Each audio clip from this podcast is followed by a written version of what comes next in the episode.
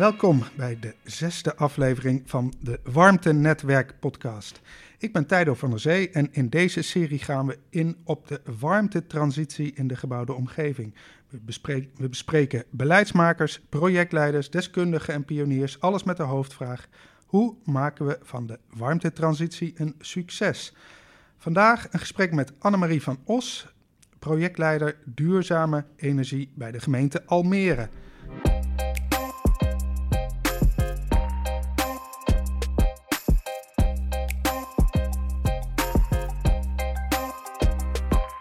Goedemorgen, Annemarie. Goedemorgen, Tijdo. We zitten op een hoek. We kijken door het ene raam en we zien windmolens. En we kijken door het andere raam. En volgens mij zien we de Floriade. Kunnen we eerst door het raam van de windmolens Het raam van de windmolens, ja. Uh, nou ja, in uh, de jaren negentig hebben een heleboel uh, boeren in Flevoland ontdekt dat het hier af en toe lekker waaide. En dat je daarmee windenergie kon opwekken. En dat dat een betrouwbaarder resultaat gaf soms dan de oogst. Ja. Uh, inmiddels uh, staan er uh, honderden windmolens. We zijn de afgelopen jaren flink bezig geweest aan het zogenaamde opschalen en saneren. Oftewel, je vervangt een paar windmolens en je zet er een grotere voor terug. ongeveer een kwart van alle windenergie op land wordt opgewekt in Flevoland. Ja, door het tweede raam. ja, we kijken nu uit over een heel groot binnenwater en dan zie je vervolgens een heleboel groen. Je ziet een uh, vuurtoren en je ziet een wat hoger uh, woongebouw. Uh, wij zijn in 2010 aan de slag gegaan om te kijken waar we de volgende 60.000 woningen van Almere zouden kunnen gaan bouwen. En een van de plannen was toen al, we kunnen in dat gebied ongeveer 1000 woningen in het groen gaan bouwen. twee jaar later hebben we besloten mee te doen voor de Floriade. En we wisten al, we gaan er een wijk bouwen. Dat is mooi, dan gaan we de hele wijkontwikkeling op gang brengen. En we gaan in 2022 de Floriade doen. Ja. En heel veel van het groen wat je ziet is gewoon bestaand groen wat in 40, 50 jaar uh, gegroeid is. Uh, een deel aan de binnenkant uh, is ook bomen die gewoon ja, toch van slechtere kwaliteit waren. Die zijn gekapt en een complete arboretum is aangelegd. Mm -hmm.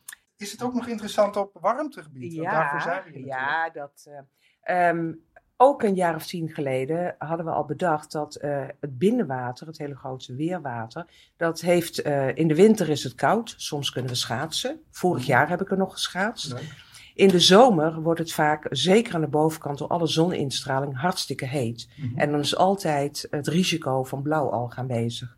Wat we nu bij de Floriade hebben gedaan, we hebben een smart thermal grid aangelegd, oftewel een slim thermisch uh, net.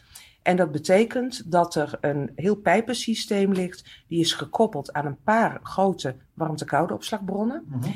Woningen vragen vaak in de winter veel meer warmte dan dat ze in de zomer erin terugstoppen door de koeling. Mm -hmm. En dat betekent dat je eigenlijk die bronnen altijd moet gaan regenereren om ervoor te zorgen dat je warmtepompen niet op een gegeven moment overuren gaan draaien.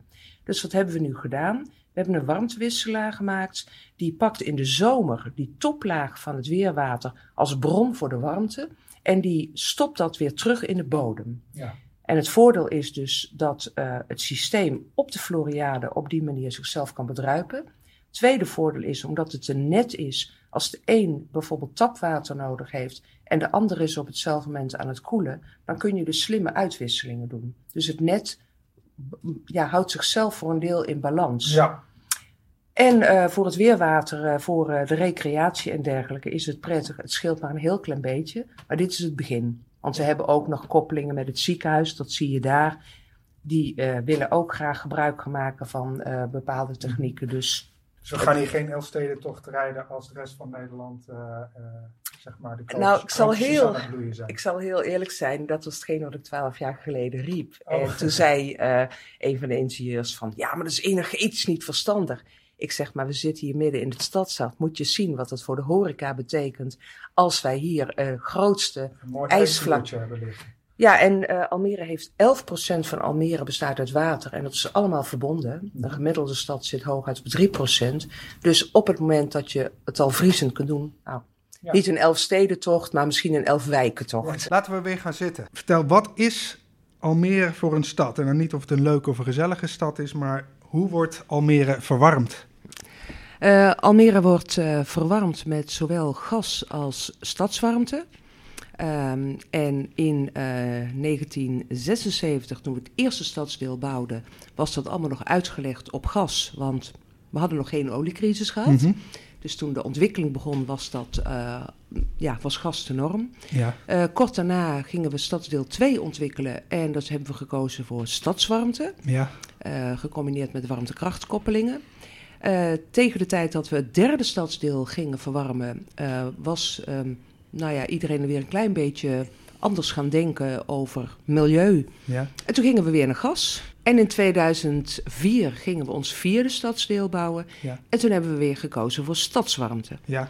En dat betekent grofweg dat uh, een jaar of wat geleden uh, was het ongeveer uh, 50-50. Mhm. We bouwen vooral nieuw bij op stadswarmte. Ja. En een deel all-electric inmiddels. Dat hebben we nu ook. Ja.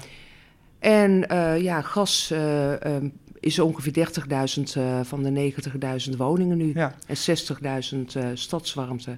En nou ja, nog een paar duizend nu all-electric en dat groeit ook. Ja. Mooi hè, hoe een stad gebouwd wordt. Het is echt een van de enige steden in Nederland die gewoon per stadsdeel gebouwd wordt in, in, in 50 jaar tijd. Hè? Nou, het rare is natuurlijk dat andere steden ook op die manier gebouwd zijn. Alleen, Ja. dat weten we niet meer zo goed. Nee. En als je door andere steden heen kijkt, zie je heel vaak: oh, dit is in de jaren 30 gebouwd. Mhm. En deze wijk is in de jaren 40 gebouwd. Maar eh, bij Almere, ja, met onze jonge geschiedenis, nou, iedereen die nu leeft, eh, ja, die, die is erbij en die ziet dat. Ja, ja. Ehm, Oké, jullie stadswarmte. ehm, die komt eh, voor het grootste deel eh, uit de centrale van Diemen, toch? Nu wel.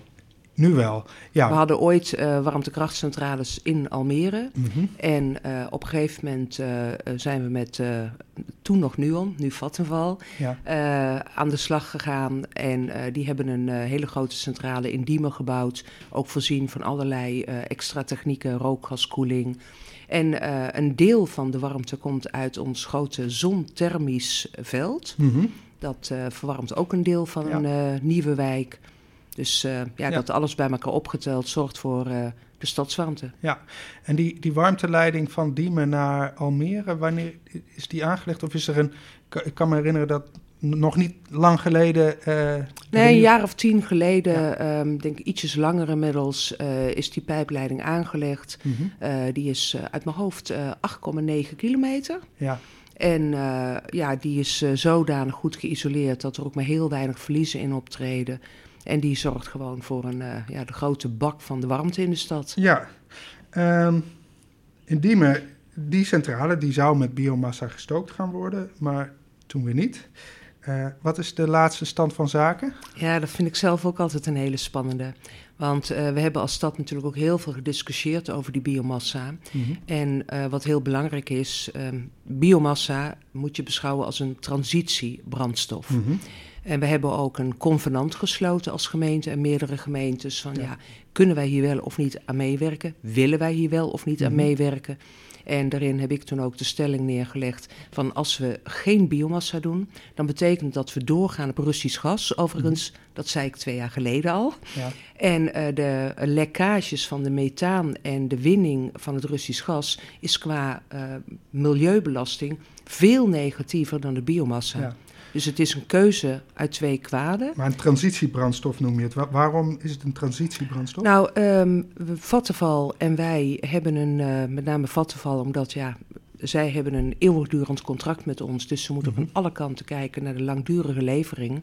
Zij hebben een eh, bronnenstrategie. ja. Wij werken nu met hen aan eh, geothermie.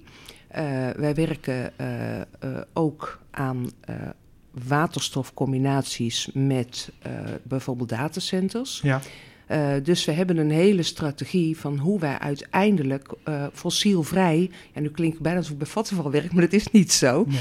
Maar dat is dus wel de route waar we met z'n allen mee bezig Ja. zijn. Ja. In de warmtevisie van Almere uit 2017 lees ik ook dat jullie hoopten destijds in ieder geval op de restwarmte van hoogovens van Tata Steel uit IJmuiden. Komt dat van de grond? Nou, dat is uh, grappig dat je die. Uh, ik vind het leuk dat je de warmtevisie uit 2017 hebt gelezen. We waren toen een van de eerste. Uh, we hebben binnen de metropoolregio Amsterdam, dat is een samenwerkingsverband met 36 gemeenten, mm -hmm. hebben wij op een gegeven moment een plan opgezet om te kijken hoe wij de verschillende warmtenetten aan elkaar konden koppelen en hoe we vanuit de verschillende routes de warmte er naartoe konden brengen. Mm -hmm. En Tata Steel was een van de private partijen die meedeed aan dat project om te kijken of dat mogelijk was. Ja. Um, Tata Steel is inmiddels ook zelf heel druk bezig geweest met allerlei verduurzamingsslagen. Waardoor ook de potentiële warmte die vrij zou komen, die werd ook al stukken minder. Ja. En um, ja, of het verder ooit nog van de grond komt, um, dat durf ik nu niet te zeggen. Want ja, we weten natuurlijk allemaal alle andere discussies rondom Tata Steel. Mm -hmm. Maar wij zijn binnen de metropoolregio, hebben we een hele nauwe samenwerking op geothermie. Omdat we ja, daar op dit moment de grootste kansen zien. Ja, ik vertel daar eens meer over. Want er wordt een uh, onderzoek gedaan, een scan-studie uh, heet dat. Wat kan je me daarover vertellen? In 2015 hebben we de eerste contact gehad met het ministerie van EZK om te kijken wat de mogelijkheden waren. Mm -hmm. vervolgens heeft EZK het hele traject SCAN opgestart. Dat staat voor Seismische Campagne Aardwarmte Nederland. Ja. er hebben allerlei geologen bekeken van welke delen van Nederland zou je willen onderzoeken op de mogelijkheid voor geothermie. Ja. Uh, en moet ik even dus naar Almere valt daar ook onder? Ja, Almere ja. is ook onderzocht. En in, uh, als het goed is, krijgen we over een maand of vier uh, de analyse van alle seismische data. Okay. Want het hele gebied is onderzocht. Mhm. We hebben echt mannen met explosieven rondgewandeld om overal die seismische onderzoeken te doen. Mhm. En als dat positief uitvalt, want ja, je weet pas de resultaten van de onderzoeken als je ze ook uh, beoordeeld hebt, dan uh, kan dat wellicht betekenen dat we in de regio Amsterdam-Almere, ik hou het even wat breder, ja. uh, wij een geothermieput kunnen gaan slaan. Ja, want in 2020 hebben jullie een opsporingsvergunning aangevraagd voor Ja. een diepe geothermiebron. Is, is die ook verleend al, die opsporingsvergunning? Ehm, nou, wat er op een gegeven moment gebeurde is, uh, omdat natuurlijk steeds meer partijen in Nederland die kansen zien, Mhm. uh, de wetgeving op grond van de oude mijnbouwwet was gewoon, uh, je kunt je vlaggetje planten en dan krijg je vijf jaar lang de alleenrechten. Ja, Nou, intussen hebben heel veel partijen heel veel vlaggetjes geplant. Dus er zijn uh, diverse overlappen. En nou ja, we zijn er voor een groot deel nu uit hoe we die overlappen het slimst kunnen invullen. En dat moet allemaal via het ministerie. Mhm. En nou, dat maakt niet uit. We, we zitten met z'n allen gewoon aan tafel en we gaan de goede kant op. Uh, dus de opsporingsvergunning is nog niet verleend. Maar ja, daar zitten gewoon wat stappen tussen. ja. Dus als die scanstudie dan straks positief uitwijst, dan denk je dat het niet al te lang zal duren voor die vergunning binnen is. Nou, uh, het ministerie van uh, EZK is uh, degene die de vergunningen verleent. Mhm. Um, maar ik kan niet vertellen hoe EZK Nee, met die. niet. Nee, dat, Dus dat vandaar Ja. dat ik even een slag Ja. om de arm hou. Maar jullie doen dat met Vattenfall, eh, HVC, dat is afvalverwerker uit Alkmaar. Alkmaar en Almere. Wij uh, hebben gezegd van nou, uh, je hebt een uh, warmteafnemer nodig. Mhm. Dat is Vattenval, dat is voor ons Ja. volstrekt logisch. Je hebt een operator nodig. Ja. HVC heeft die ervaring. Almere is ook aandeelhouder van HVC. Ja. En dit leek ons een logische constructie om samen te werken. En um, ja, nou ja, goed, je zegt al van het is best wel in samenwerking met EZK. Is er ook rijksgeld beschikbaar gesteld voor zo'n uh, eventuele boring of voor risico's afdekken? Of hoe moet ik dat zien? Oeh, die uh, ligt uh, um, op, op heel veel verschillende terreinen. Ja. Om te beginnen, de seismische onderzoeken zijn dus voor een heel groot deel betaald door het Rijk. Ja. Uh, wij hebben zelf ook nog wat dingen gedaan. De provincies, niet wij zelf, moet het goed zeggen, niet de gemeente Almere, want wij hebben niet zo'n dikke portemonnee. Maar de provincies Noord-Holland en Flevoland hebben hier ook actief aan meegewerkt. Mm -hmm. Dat betekent dat er op die manier al geld vanuit de overheid in is gegaan om de onderzoeken te doen. Ja. Want die onderzoeken kosten ook miljoenen. Mm -hmm. En je hebt eigenlijk nooit een kans op. Uh, ja, je hebt wel een kans op succes, maar je hebt geen zekerheid nee. van succes. Uh, het Rijk heeft uh, de zogenaamde SDE-systematiek voor uh, bijdragen aan nou ja, je rendabiliteit van je hele opzet. Mhm. Ehm, en nu ben ik heel even kwijt wat de vraag ook alweer precies nou, was. de vraag is of er geld is beschikbaar gesteld vanuit het Rijk voor. Eh, nou, er is geld beschikbaar gesteld dus voor de seismische onderzoeken. En er is geld eh, beschikbaar eh, zometeen via de SDE. Ja, ja. Ehm, dat is ook wel nodig, denk jij? Om. Nou ja, dat is dus het fascinerende. Dat weet je eigenlijk. ehm, nou, de seismische onderzoeken wel. Mhm. Maar eh, rondom de SDE, eh, als je bijvoorbeeld bij wind kijkt, dat gaat nu allemaal subsidieloos. Ja, Dus als de rendementen van je bron zodanig zijn dat je het zonder subsidie kunt redden, dan eh, krijg je die subsidie ook niet. nee. Maar omdat dingen onzeker zijn, heb je wel die zekerheid nodig dat je er een beroep op kunt Ja. doen. Want hoe diep wil je ongeveer gaan? Dat weten we dus niet, want eh, de seismische onderzoeken moeten aantonen ook op welke eh, dieptes het interessant Ja. is om aan de slag te gaan. Want de bodem moet geschikt zijn, die moet eh, de goede porositeit hebben, de goede permeabiliteit Mhm. hebben, de goede temperatuur hebben. En ja, Ja. Dan hebben we het over de productiekant, hè, dat is geothermie. Maar als we dan gaan naar warmtenetten, vind je dat die eigenlijk eigendom moeten zijn van de gemeente? Oh, wat een heerlijke vraag in dit eh, tijdperk. Ehm, want ja, eh, ik, ehm, laat ik hem heel netjes formuleren. Dat is een stelling die ik al vaker heb gedaan. Ik vind persoonlijk dat voorzieningen voor het algemeen nut bij de overheid zouden moeten liggen. Mhm. Dat is mijn persoonlijke mening. En ik weet, nou ja, dat is bij eh, ehm, bijvoorbeeld de snelwegen zijn van de overheid. Dat beschouwen we als een voorziening voor het algemeen nut. Mhm. Dus dat vind ik. Ja, Maar eh, hoe je dat verder in detail gaat inregelen en of je dat bij lokale overheden of bij provinciale overheden of bij rijksoverheden zou moeten beleggen of dat je daar eh, ja, allerlei joint venture constructies. Ja, die, eh, Dat- ik heb wel een mening, maar die ga ik nu. eh, oké. En eh, is er nog een verschil tussen bestaande netten en nieuw te bouwen netten? Ik bedoel, want bestaande netten hebben natuurlijk allemaal al eigendomsconstructies. Als wij de energietransitie niet willen vertragen, Mhm. zou ik er wederom persoonlijk, dat Mhm. zijn dus de momenten dat ik bijvoorbeeld een advies meegeef aan een wethouder, Ja. zou ik het persoonlijk verstandig vinden om niet te veel te gaan rommelen in de bestaande netten. Mhm. Want het, ja, als je halverwege het proces eh, de spelregels gaat veranderen, dan kan het niet anders dan dat het meer tijd kost.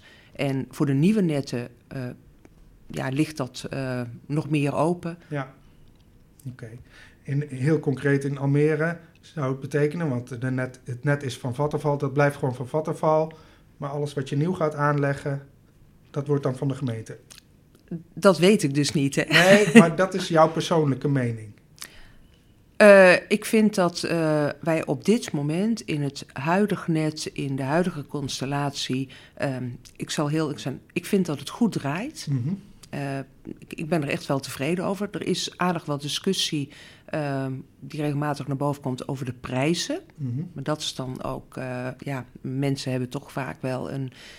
ehm, nou, met de huidige gasprijzen is alles relatief geworden, kunnen we wel zeggen. Ja, Maar ja, die eh, bestaande eh, constructie, het grappige overigens, is, het was ooit van de overheid. Hè? Het net in Almere is oorspronkelijk door provincie Gelderland en, het was nog geen Flevoland, provincie Gelderland en Overijssel aangelegd. ja. En uiteindelijk eh, is dat allemaal verkocht aan Nuon.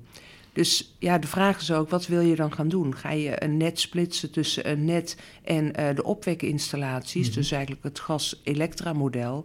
Of eh, ga je zeggen van, nou, het geheel dragen we over? Of ga je naar een joint venture? Ja, Ja.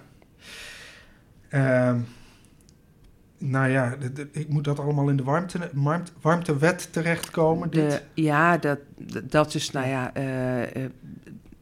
het is momenteel het heetste hangijzer zo ongeveer in eh, warmteland. Ja, En ja, ik, eh, ik, ik bemoei me er ook mee, Mhm. maar dat, eh, maar goed. die wil ik tot hier even zover laten. Ja.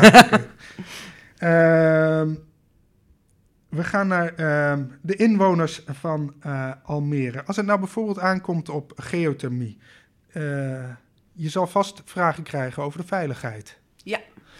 Kan je me daar meer over vertellen? Nou, heel simpel. niemand wil een tweede Groningen worden. Mhm. Laten we dat even gewoon eh, eh, de olifant in de kamer. Ja. Eh, we hebben al op verschillende momenten mensen geïnformeerd over die plannen. Soms komt er inderdaad die opmerking van ja, kun je dat niet ergens anders doen? Ja. Nou, en ik hoor nog net niet zeggen, bijvoorbeeld in Groningen, maar dat eh, eh, de seismische onderzoeken, eh, ik ben, mensen, we zijn als groep een keer op bezoek geweest bij bedrijven die dat ook bijvoorbeeld in Duitsland allemaal doet. Mhm. De projectleider die ik een tijd ingehuurd heb, overigens medebestuurslid van Stichting Warmtenetwerk, die is op een gegeven moment ook in München op ja, bezig kijken hoe gaat dat? Wat gebeurt er als je in een redelijk dichtbevolkte omgeving hiermee aan de gang gaat? Mhm. Ja, ik woon zelf in Almere. Ik wil ook geen scheuren in mijn huis. Dus uh, met de bewoners samen kijken naar van als we dus die seismische data hebben, op welke plekken zou je dat kunnen en willen en hoe ga je dat monitoren? Goed, maar dat is dan, dat is dan uh, uh, geothermie. Um, het is bij alles wat je wil doen, uh, alle duurzame projecten, zal je natuurlijk met de bewoner in gesprek moeten. Uh, jij bent een ervaren rot, hè? je bent twintig jaar uh, werkzaam volgens mij al voor de gemeente ja. Almere. En um, wat kan je zeggen over, nou ja, over de burger? Je, de burger? Nou ja, is er een trend waar te nemen als, als er een project komt? Hoe verloopt het proces van acceptatie of niet-acceptatie? Nou, dat is uh, uh, heel diffuus. Kijk, wij communiceren en uh, wij proberen steeds vaker en steeds meer te participeren. Mm -hmm. Dat betekent dat je met uh, diverse partijen aan de slag gaat om uh, van alles te onderzoeken. Wat willen mensen wel, wat willen mensen niet. Mm -hmm. En daarbinnen zie je een heel verspreid beeld. Uh, een deel van de mensen die, hoe hard je ook communiceert, die horen het niet. Ja. Of ze lezen stukken niet, maar dat maakt niet uit. Mensen leven gewoon hun leven. En wat die overheid allemaal aan het doen is nou uh, prima. Een deel van de mensen die maakt zich direct oprecht zorgen. Mm -hmm. Dus die organiseren zich, nou bij de windturbines denk ik meest bekende voorbeeld. Maar het maakt in feite in Nederland nu niet zoveel meer uit. Elke nieuwe techniek die er komt, ja. die wordt uh, redelijk snel uh, weer door een groep ter discussie gesteld. Mm -hmm. uh, ik verwacht bij geothermie precies hetzelfde. Ja. Dat, dat, daar hoeven we niet over na te denken, dat gebeurt dat gewoon. Ja, dat weten we. Ja.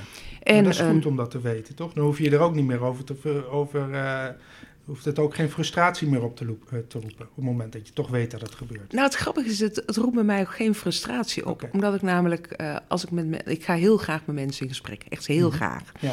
Dat, uh, ik maak als grapjes. Als ambtenaar kom ik graag bij de mensen thuis. Maar, uh, dus een deel van de mensen die maakt zich oprecht zorgen. En die worden, die hebben soms niet altijd dezelfde mensen ook wat minder vertrouwen erin dat de overheid uh, verstandig met dingen omgaat.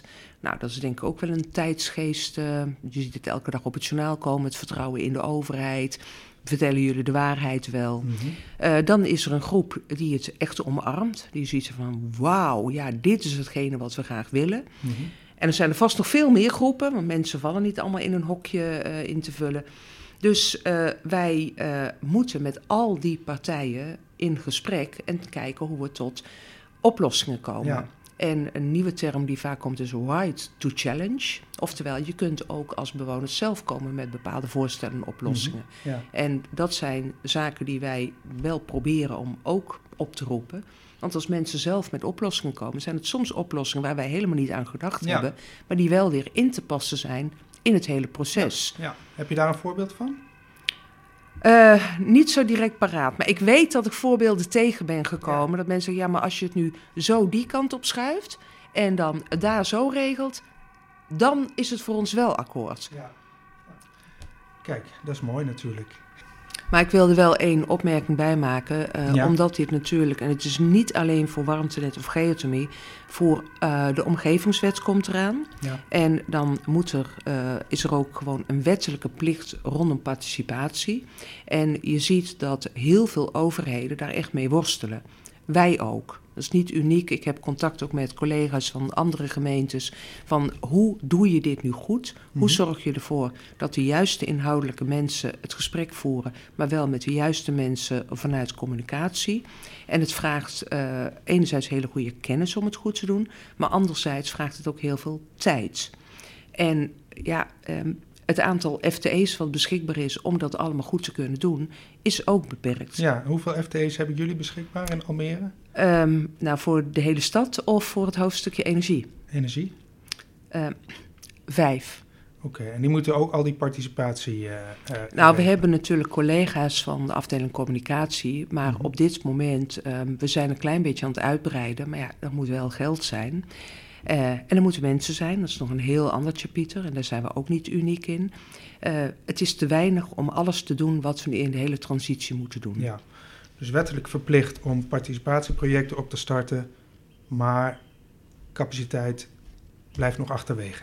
Ja, en dit is, niet, eh, dit is echt niet uniek voor Almere. Nee, ik zit vrij van. Ja. Want het vervelende is dus ook dat als je dit onvoldoende doet, Mhm. En eh, je laat altijd steken vallen, dat kan niet anders. En als het dan uiteindelijk de verkeerde kant op is gegaan. eh, nou, zeer onlangs nog discussie in Amsterdam over een trafohuisje. Mhm. Ehm, dan is het antwoord vanuit de overheid van ja, sorry, we hebben onvoldoende gecommuniceerd, geparticipeerd. En denk ik, ja, je hebt een enorme opgave. Je hebt een beperkte capaciteit. Je doet het naar beste weten. Mhm. En uiteindelijk heb je het toch niet goed gedaan. Ja. Nou, als je het over frustratie hebt, daar zit dan frustratie. Ja. Dat je denkt, ja, potverdriet, het is niet dat ik het niet wilde, maar...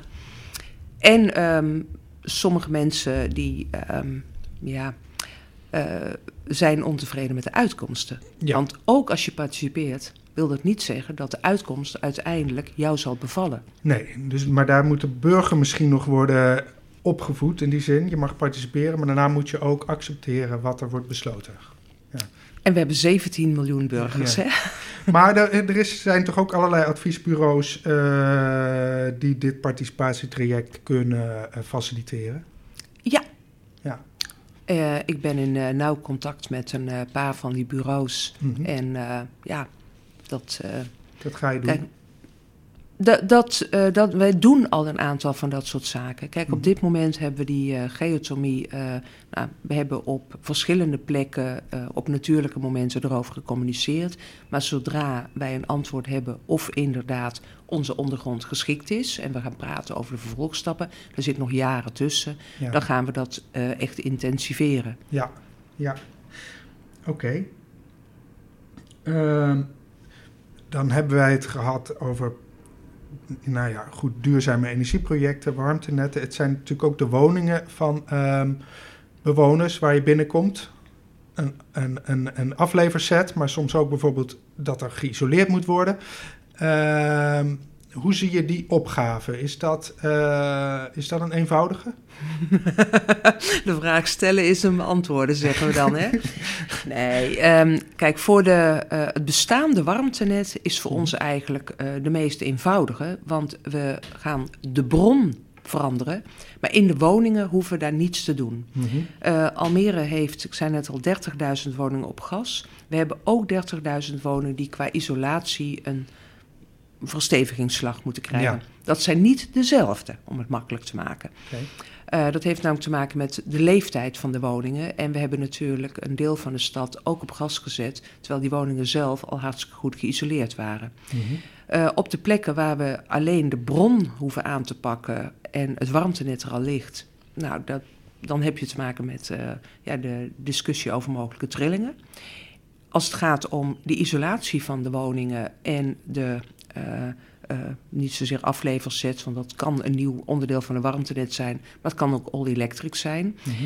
Dan moet je dus naar de woningeigenaren en naar de corporaties gaan. Nou, met de corporaties zijn we prima in gesprek. Mhm. Eh, die hebben dan op hun beurt weer te maken met dat ze binnen de huurders een meerderheid Ja. moeten hebben. Maar al die particuliere woningen, en Almere heeft iets van, nou uit mijn hoofd, eh 65, 70 procent particuliere woningen. Al die particuliere woningen, die gaan gewoon over hun eigen huis. Ja, En die moeten geld eh, hebben om te kunnen isoleren. wat we nu in het najaar zagen, en dat loopt nog steeds door, dat toen de gasprijzen omhoog gingen, dat gewoon heel veel mensen die wel enigszins konden, die namen die maatregelen. Ja. Maar er zijn een heleboel mensen die echt blij zijn als ze überhaupt met hun geld het einde van de maand halen. Ja. Nou, uh, er zijn allerlei uh, leningconstructies, duurzaamheidsleningen, maar dan nog, vaak is het zo dat de mensen die dus krap in hun geld zitten, die of ze komen niet in aanmerking uh, voor leningen, omdat ze ja, door uh, alle partijen ja, toch wel een beetje als een risico gezien worden. Mhm. Of ze durven het gewoon niet. Wat Nee. ik ook heel goed kan begrijpen. Want het is best eng om zo'n lening aan te gaan. Die op basis van de gasprijzen heel aantrekkelijk is. Eh, dan heb je het gewoon over de technische uitvoering. Als je als één persoon één eh, actie doet, is dat altijd veel duurder dan wanneer je bijvoorbeeld gezamenlijk de hele Mhm. straat aanpakt. Maar dan moet wel die straat gezamenlijk mee willen doen. Ja. Ehm, ik heb wel een paar mogelijke antwoorden en routes. En daar praten we ook met andere gemeentes over. Wat kun je doen? Maar we kunnen in dit land mensen niet dwingen om mee te doen. Nee. Dus we eh, moeten het hebben van eh, verleiden, helpen, begeleiden, Mhm. constructies aanbieden. Ja. Ik wilde dat ik het antwoord had, maar dat heb ik niet. Nee. Maar is het wel essentieel voor deze woningen om te isoleren? De woningen die eh, gebouwd zijn eh, in eh pak mee tussen 1976 en 1985, Mhm. die een, een deel daarvan is zelfs, ehm, nou ja, er moest snel gebouwd worden. Eh, die hebben zeer matige isolatie. De gasverbruiken in kubieke meters daar, die ehm, liggen gewoon op, eh, nou ja, eh 15, 1600 kub gas. En daar is een isolatiestap, eh, draagt echt bij aan een veel lagere rekening. En oh ja, het is ook nog goed voor het milieu. Ja, ja. Maar heb je als gemeente nou de plicht om dat op te pakken? Of, of is het... Nou, we hebben in onze transitievisie opgenomen dat we als gemeente vooral inzetten op isolatie. Mhm. Dus dat betekent dat wij eh, met serviceloketten en dat soort zaken proberen mensen zoveel mogelijk te ontzorgen. Ja. Ehm, dus ja, eh, heb je de plicht, eh, ja, het is ehm, eh, eh, een afgeleide plicht eigenlijk, Mhm. ook vanuit het Rijk. En ik vind het ook een morele plicht. Ja, Leave no man behind. Ik weet niet hoe ik het Mhm. anders moet zeggen. maar ook om ze dus in de toekomst geschikt te maken voor een laagtemperatuur warmtenet of voor een eh warmtepomp? Nou, dat is wel een hele nog- mooie, want eh, er is natuurlijk een eindeloze discussie over laagtemperatuur, middentemperatuur, Mhm. hoogtemperatuur. En ik heb een eh, paar jaar geleden voor een hele groep makelaars in Almere uitleg gegeven van wat onze ideeën zijn en wat dat betekent voor die woning. Eh, als je woningen hebt grofweg van voor 1990, eh, bouwbesluit, eh, afspraken en dergelijke, dan zie je dat daar vaak eh, de isolatiestap genomen moet worden om überhaupt toe te kunnen naar een lagere temperatuur. Woningen van na 1990, die kun je heel vaak met middentemperatuur al prima verwarmen, Mhm. 50, 60 graden. Dan heb je nog je tapwatervraag. En daar zit een hele belangrijke. Ja. Ehm, om boven je legionelle eisen uit te komen, moet je minimaal 50, 55 graden Mhm. hebben. Heb je dus een woning die je geschikt hebt gemaakt voor laag temperatuur, een soort bronnetachtige Mhm. constructie, dan heb je nog steeds heet water nodig om te kunnen douchen. Ja. Dat betekent dat je binnen die woning ook bijvoorbeeld met boilers en warmtepompen aan de gang moet. Als je niet kiest voor een middentemperatuur warmtenet. Mhm. Nou, en dat hele spel van de temperaturen van een eventueel warmtenet, de keuze voor all-electric, met bijvoorbeeld weer een boosterwarmtepomp, maar de ruimte in de woning om dat ook te realiseren. Ja, Want je bent zo een paar vierkante meter kwijt. En als je, laten we zeggen, drie slaapkamers hebt, ja, geen ga je zin om die derde slaapkamer eraan op te geven. Ja, Ja. dus het is ehm, het puzzelen tussen wat er in de woning moet gebeuren, wat er in het net moet gebeuren, wat de behoefte is van de woningen. En we hebben in onze ehm, warmtevisie hebben we daar wat dingen al over opgenomen. We hebben binnen de stad gekeken welke wijken het meest gebaat zouden zijn met een bepaalde constructie. Mhm. Dus als ik even inzoom op Almere Haven, de oudste wijk, eh 8000, eh, 8500 woningen. Ook heel veel van de, voor de oudere luisteraars, de Premie A-variant. Mhm.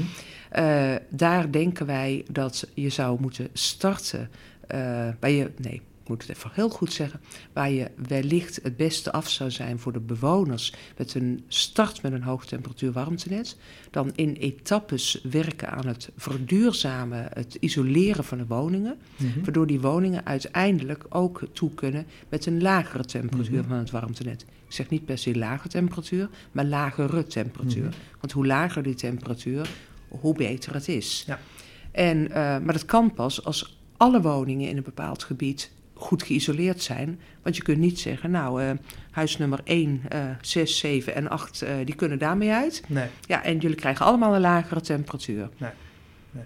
En dan nog de vrijheid, vri- keuzevrijheid van de mensen. Want eh, er komt nu een nieuwe wet, wet eh, gemeentelijke instrumenten warmtetransitie, de WGIW.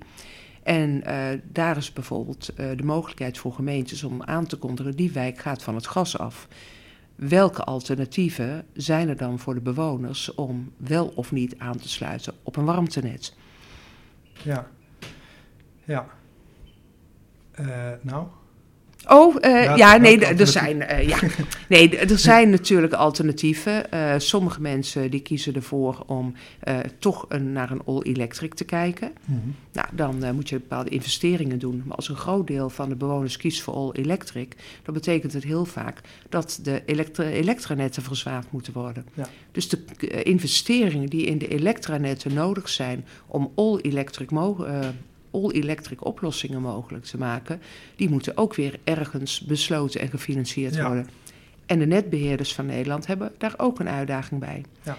Heb je laadpalen nodig in de wijk, dan betekent dat ook weer een extra verzwaring. Mhm. Netbeheer Nederland heeft een rekensom gemaakt. En dan heb ik het dus over eh, wat je eigenlijk in dichtbevolkte gebieden ziet gebeuren.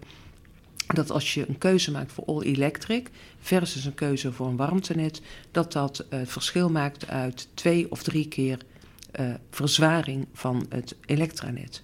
Dus je moet gewoon zoveel meer gaan verzwaren als je kiest voor all electric in plaats van een warmtenet. Ja. Dus de maatschappelijke kosten die zijn een stuk lager in ieder geval. Ehm, als je kijkt naar eh, een warmtenet versus all electric. Ja. Ehm, nou gaan we nog even naar de politiek. jullie zitten Hadden we hier... die nog niet gehad? Nee, nee. jullie- We zitten hier, of jullie zitten in Almere midden in coalitieonderhandeling, dus daar hoeven we niet al te veel over te hebben. Maar waar het mij wel om eh, eh, gaat, is te kijken hoe je als ambtenaar gedurende zeg maar, het, de levensduur van een coalitie, wanneer je eigenlijk als ambtenaar echt moet vlammen om iets gedaan te krijgen. En wanneer je beter kan zeggen van nou, eh, nu eh, heeft het niet zoveel zin, want nou is de politiek te veel met zichzelf bezig. Of kan je daar iets over zeggen? Nou, ehm, we hebben in maart eh, verkiezingen gehad. Mhm. In de periode na de verkiezingen treedt een periode op van coalitieonderhandelingen. Wethouders blijven op dat moment gewoon op hun post. Maar je bent, nou, ik ga niet zeggen vleugelam, maar je kunt een aantal zaken ehm, niet zo regelen als dat je zou willen. Mhm. Dus als je op dat moment als ambtenaar met bepaalde belangrijke zaken komt, dan valt dat wat minder in eh, ja, eh, vruchtbare aarde. Ja. Klinkt wel negatief, maar bedoel, dat is een periode. ehm, je, je kunt nog niet in stelling komen. Mhm. Dan eh, tegen de tijd dat de coalitieonderhandelingen allemaal klaar zijn, heb je, zit je vaak in de zomerperiode. Mhm. Dus dat betekent dat in september ehm, eigenlijk het eerste moment is dat je weer eh, nou ja, de, grote zaken aan kunt pakken. Eh, dan eh, ben je, heb je ongeveer 2,5 jaar waarin je een heleboel zaken. Dan heb je gewoon wethouders in positie, een gemeenteraad in positie. nieuwe raadsleden en nieuwe wethouders hebben zichzelf dan ook gewoon heel veel dingen eigen gemaakt Mhm. wethouder en raadsleden die er langer zitten, ja, die kennen al heel veel. Maar als er echt een nieuwe wethouder komt, ja, die moet vaak nog heel veel eh, ontdekken. Mhm. Ehm, er zit natuurlijk een dossierverdeling in. En ehm, ja, wethouders kiezen ook vaak wel een klein beetje voor onderwerpen waar ze dingen mee hebben. Ja. Binnen de raadsleden zie je dat ook. Eh, binnen energie heb ik al jaren met bepaalde vaste raadsleden te maken, die gewoon al jaren met dat onderwerp bezig zijn. Ja, dat is wel fijn zijn voor een ambtenaar. nou ja, die zijn in elk geval op veel meer fronten goed geïnformeerd. Mhm. En dat scheelt wel, want anders moet je heel veel nog gaan uitleggen. Eh, en dan op een gegeven moment komt eh, de periode van de verkiezingen weer aan. En ik heb het nu nog alleen maar op gemeenteniveau. Mhm. En op het moment dat de verkiezingen eraan komen, dan eh, hebben wethouders de ingewikkelde taak om aan de ene kant te knokken voor de zaken die ze waar willen maken. Mhm. Maar aan de andere kant, bij gevoelige dossiers, je wil niet je electoraat verliezen. Wat dat betreft is het naadloos komt het overeen met wat er in de landelijke politiek Mhm. gebeurt. En dat is dus het moment dat je weet dat je eh, een aantal zaken die eh, kun je gaan afhechten. Sommige zaken wil je ook echt afhechten, zodat je zeker weet dat het er nog doorkomt. Mhm. En voor sommige zaken ehm, moet je gewoon voor jezelf de conclusie trekken. En ik praat nu even als ambtenaar zijnde. Mhm. Ik ben ook ambtenaar, dus dat is logisch. Van eh, ja, dit gaan we hier gewoon niet meer nu voor elkaar krijgen. Maar je hebt dus een window of opportunity, zeg maar, ro- grofweg van... Nou ja, Twee, tweeënhalf, drie jaar. En, en dan dus voor de verkiezingen en na de verkiezingen. eh, moeten we daar een jaar voor rekenen of zo. Ja, als je daar ongeveer een jaar voor rekent, dan eh, denk ik dat wel klopt. Oké. En dan dwars ertussendoor, om het even complex te Mhm. maken, heb je natuurlijk op enig moment ook de landelijke verkiezingen. En qua landelijke verkiezingen, eh, als je een gemeente hebt waar er veel eh, landelijke partijen in de lokale politiek zitten, zit daar ook weer een stukje wisselwerking in. Ja, oké, dan moet je ook oppassen als ambtenaar.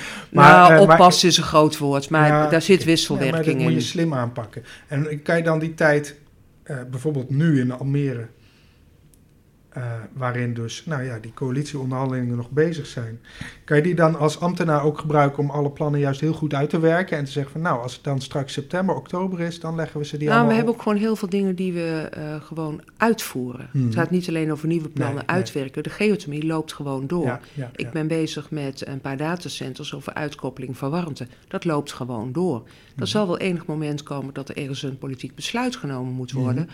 Maar ik weet niet precies wanneer. Maar eh, de basis van het verhaal loopt gewoon door. ja. Eh, wij eh, ehm, zijn ook aan de isolatiekant en de communicatiekant gewoon volop bezig. Mhm. En ja, dus wat dat betreft merken we er niet zoveel van. Het is alleen als je weet van als je voor een bepaald onderwerp echt een belangrijk besluit nodig hebt. Ja, dat. dat Dan moet je is in dat- timen. Ja, en de timing, eh, invloed die je zelf hebt, is ook niet eh, volledig vrij. Want eh, er staat op de agenda natuurlijk heel veel. De woningbouw, de woningnood is immens. Mhm. Dat betekent dat er continu vraag komt naar nieuwe woningen. Een wethouder die druk is met de woningen, ja, die heeft zoiets van ja, of iemand heeft een hele duurzame woning, of heeft geen woning. Ja. Dus die affing, eh, de schuldenkant, op het moment dat er aan de sociale kant van alles speelt, heeft dat ook invloed. Ja. Dus we zitten niet in een vacuüm. En we, nou ja, we, eerlijk gezegd, we hebben eh, werk genoeg. Wat ik wel heel fijn zou vinden, er was eh, van de week een interessante uitzending over de Delta-werken. ja. Ik weet niet of je hem gezien hebt, Ik heb maar... eh, voorbij zien komen. ja, en eh, ik vond het wel heel leuk, want ik Pieter zag... Jan Hagens. Ja, Pieter Jan Hagens. Ja. En wat ik heel mooi vond, eh, ik heb natuurlijk, niet, ik heb natuurlijk, ik heb Oosterschelde Windkracht 10 gelezen Ja, van Jan Terlouw. Die heb ik ook gelezen. Ja, en wat ik zo mooi vond, eerst ging men massaal voor afsluiten, want elke Nederlander, elke Zeeuw had Mhm. de ellende nog in zijn hoofd. En toen in de jaren zeventig, toen kwam op van ja, maar we hebben ook nog een milieuzaak te gaan. We Mhm. willen ook nog graag dat eh, eh, we, we zout water behouden, et cetera. En toen zijn er dus aanpassingen gemaakt. En de Oosterscheldedam, we hadden het net over voorbeelden van Right to Challenge. Ja, ja, ja. En ik denk dat dat een van de eerste was die op die manier ging. Dus we kunnen in het traject ook nog steeds meer ontdekken van... hé, hey, we zouden moeten gaan bijsturen. Maar de deltawerken, het besluit, was echt een heel langjarig tere- Mhm. En ik denk dat we, als we het hebben over energie, dat we dat nodig hebben. We hebben 30 jaar te gaan. En het zou ons allemaal helpen als we een deel van al die keuzes en al die financiële zaken... en nu praat ik eh, eh, als mens, maar natuurlijk ook als vaktechneut... het zou ons heel erg helpen als er een rijksprogramma hiervoor zou komen... met een langjarig en ook een stukje los van die politiek... Mhm. Om door te kunnen gaan, zodat al die zaken niet elke keer opnieuw besproken en beslecht hoeven te worden, maar wel dus met die mogelijkheid om bij te sturen Ja. als het op sommige plekken slim en verstandig is. Ja. Ik heb eh, laatst, en die gooi ik ook nog even in, Auke van der Woud gelezen, eh, Een Nieuwe Wereld, Ja. tussen 1850 en 1940, hoe Nederland ontwikkeld is. En als je dan ziet wat de strijd rondom de afsluitdijk is geweest. Ik dacht, oh, we hebben op een zeker moment bedacht, goed plan, gaan we doen. Mhm. Nou, daar bleek dus 60 jaar van politieke discussie onder te zitten. En toen dacht ik, oké, Oké. dan zijn We de zitten niet in deltawerken... een unieke tijd. Nee, en de deltawerken zijn dan denk ik uh, een voorbeeld wat veel nabijer is. Dat we zien, hé, hey, daar is dus echt over nagedacht. Hoe ga je dat doen? Ja, dus meer sturing, meer, meer Lange een termijn. delta-programma voor, uh, voor, voor de warmtetransitie. Dankjewel, Annemarie van Os. Graag gedaan.